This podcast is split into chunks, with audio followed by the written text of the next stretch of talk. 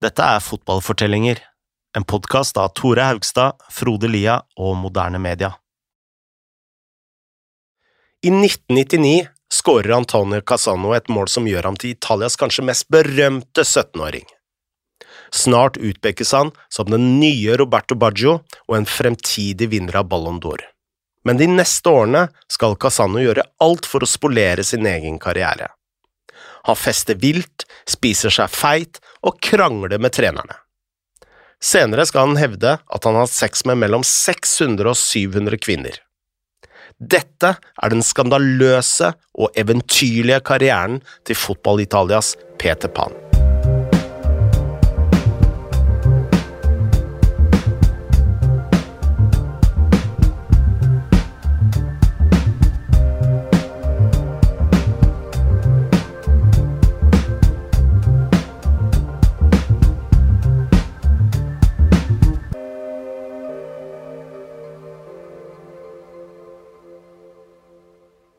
En søndag ettermiddag i desember 1999 skåra Antonio Casano et mål som er tatt ut av en våt guttedrøm.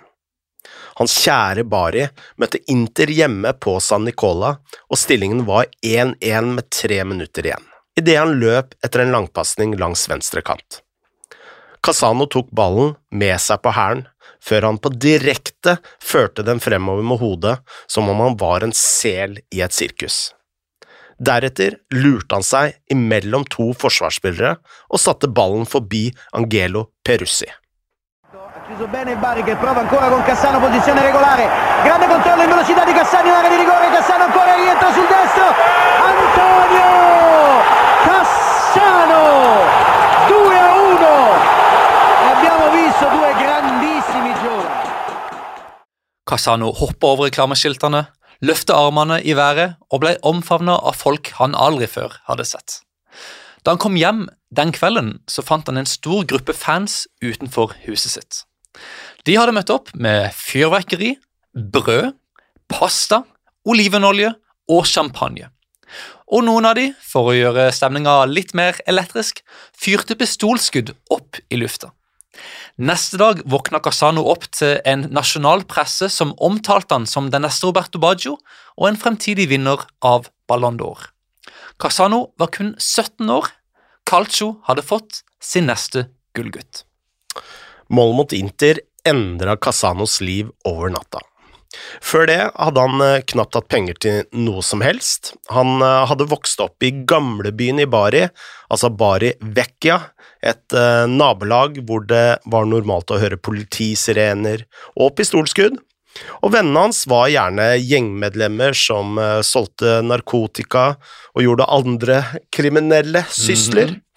Uh, og ikke alle han kjente overlevde denne livsstilen, for uh, han hadde også venner som blant annet en som jobba som pizzabud, som ble skutt og drept ved et uhell. Da Casano var liten, forlot faren familien. Verken han eller mora hadde stort med penger til å sette mat på bordet, så hun måtte rett og slett ta jobb som vaskehjelp, mens Casano på mange måter ble mannen i, i huset som var ment å, å, gjøre det bra på skolen og få en god jobb som kunne forsørge han og mora. Men Casano klarte jo ikke dette. Han var en fyr som gjentok skoleår seks ganger og de eneste pengene han tjente, var via veddemål med kameratene, om han kunne knuse skolevinduene med en ball fra 20 meter. Innerst inne visste jo Casano veldig godt at med mindre noe dramatisk skjedde her, så ville han måtte stjele for å kunne forsørge familien. Hver ettermiddag møtte Casano sine venner på Piazza del Ferrarese, en stor plass i gamlebyen hvor de spilte fotball til det ble mørkt. Om politiet prøvde å stoppe kampene, ble de bombardert med tomater og egg. De fleste barn spiller kamper eh, over noen få timer, men eh, gjengen til Casano kunne holde det gående i flere dager. Og sluttresultatet kunne for eksempel bli 150 mål mot 130. Og eh, selv om nivået var skyhøyt, så var Casano noe helt eget. Han var et naturtalent, en eh, fyr som trylla og underholdt så mye at selv fremmede stoppet ved plassen for å se ham spille.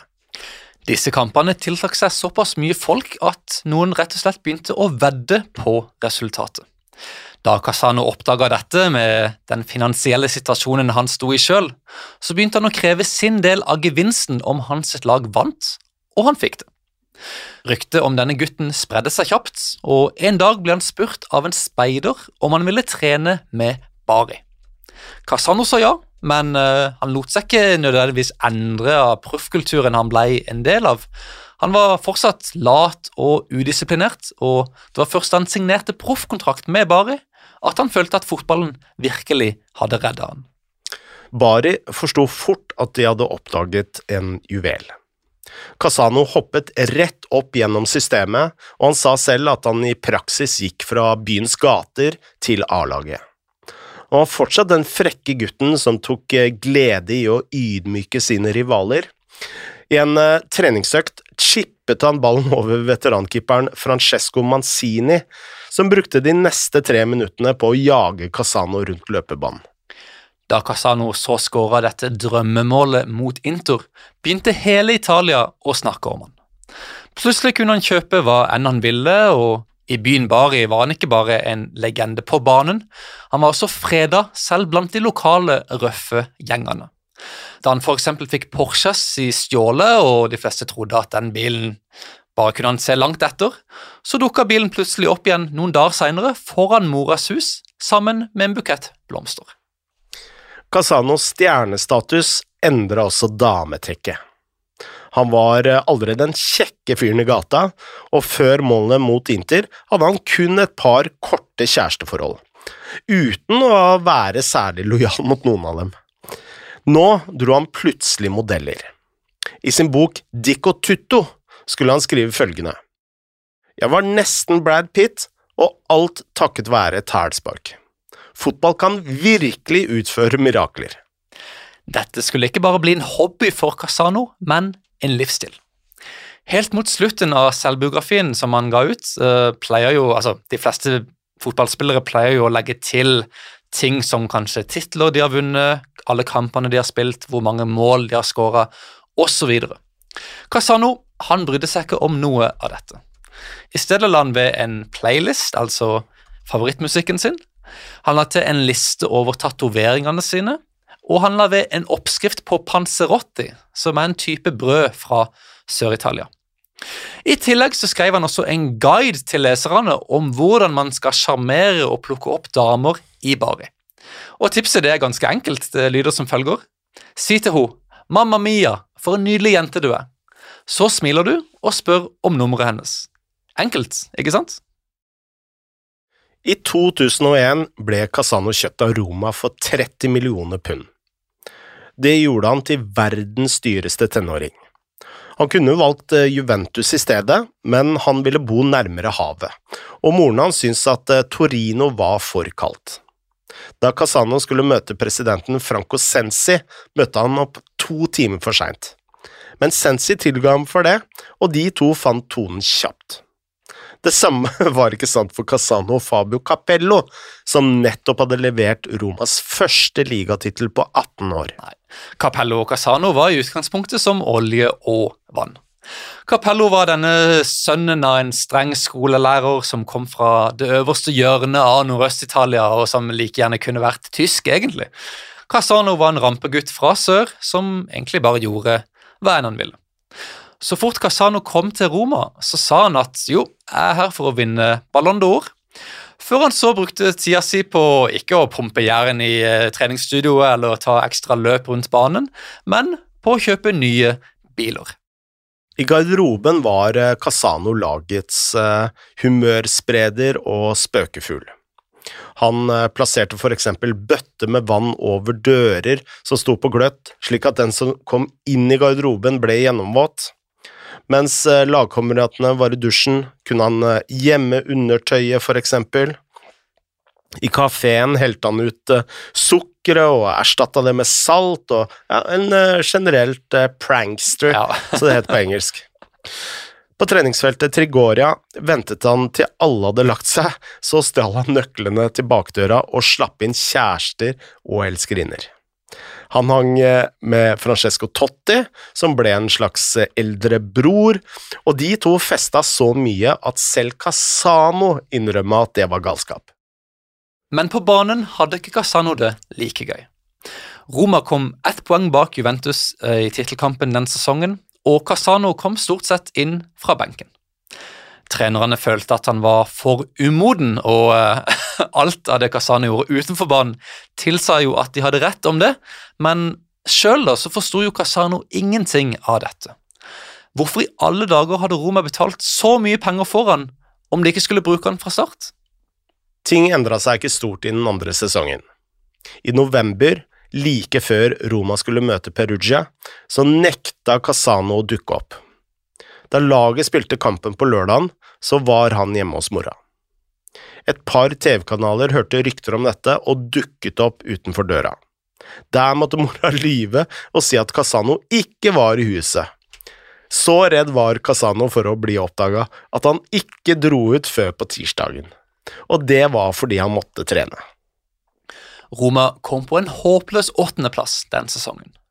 Men de nådde cupfinalen, som var siste sjanse til å liksom få noe ut av, av, dette året, og Casano fikk endelig tillit. Han starta både hjemme og borte mot Milan. Dette var jo cupfinalen som gikk over to kamper. Milan knuste Roma 4-1 i første kamp, men i andre kamp så leda Roma 2-1, og det lå, lå liksom kanskje i kortene at de kunne regissere et storslått comeback her.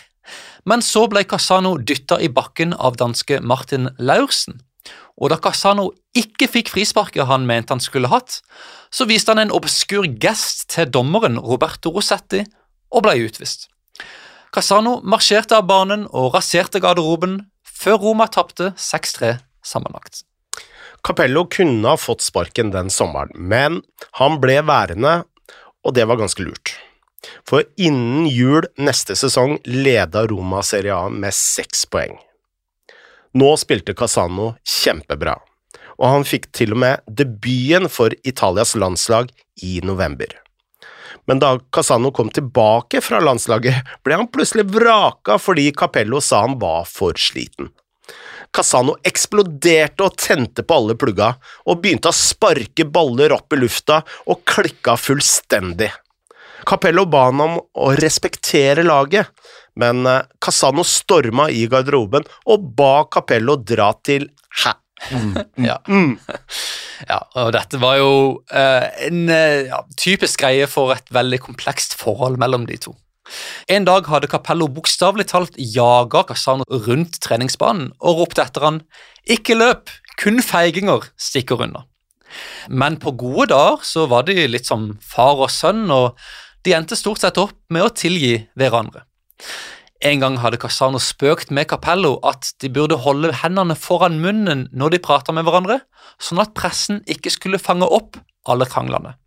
Og for en gangs skyld så var Capello faktisk enig.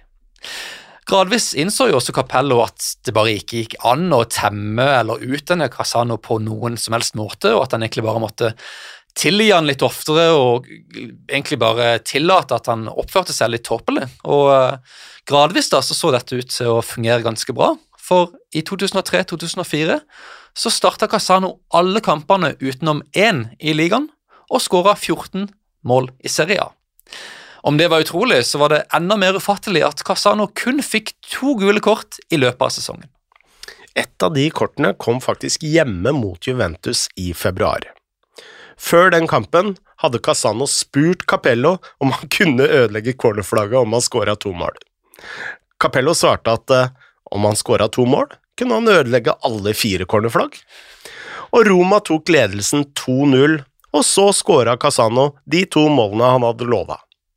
Idet Stadio Olympico gikk av hengslene, rev Casano av seg trøya, løp mot cornerflagget og meidre i to foran en sjokkert Pierluigi Colina. Roma vant kampen 4-0, og for Casano hadde den perfekte kampen kommet etter den perfekte oppladningen. Kvelden før hadde han sneket seg ut av treningsleiren for å møte en elskerinne, og komme tilbake igjen klokka seks på morgenkvisten. Sommeren 2004 ble Casano og Capellos samarbeid dessverre avslutta. Casano tilbrakte den sommeren med landslaget, som røyk ut av gruppa i EM under Giovanni Trapattoni, mens Capello sjokkerte alle ved å dra til Juventus, som var den store, store fienden til, til Roma. Da Casano var ferdig med EM, var han utslitt, så han spurte sin nye trener om han kunne få en ekstra ukes ferie. Og Den nye treneren var Cesare Prandelli, som sa ja til dette, men selv da så dukka Casano opp to uker seinere enn avtalt.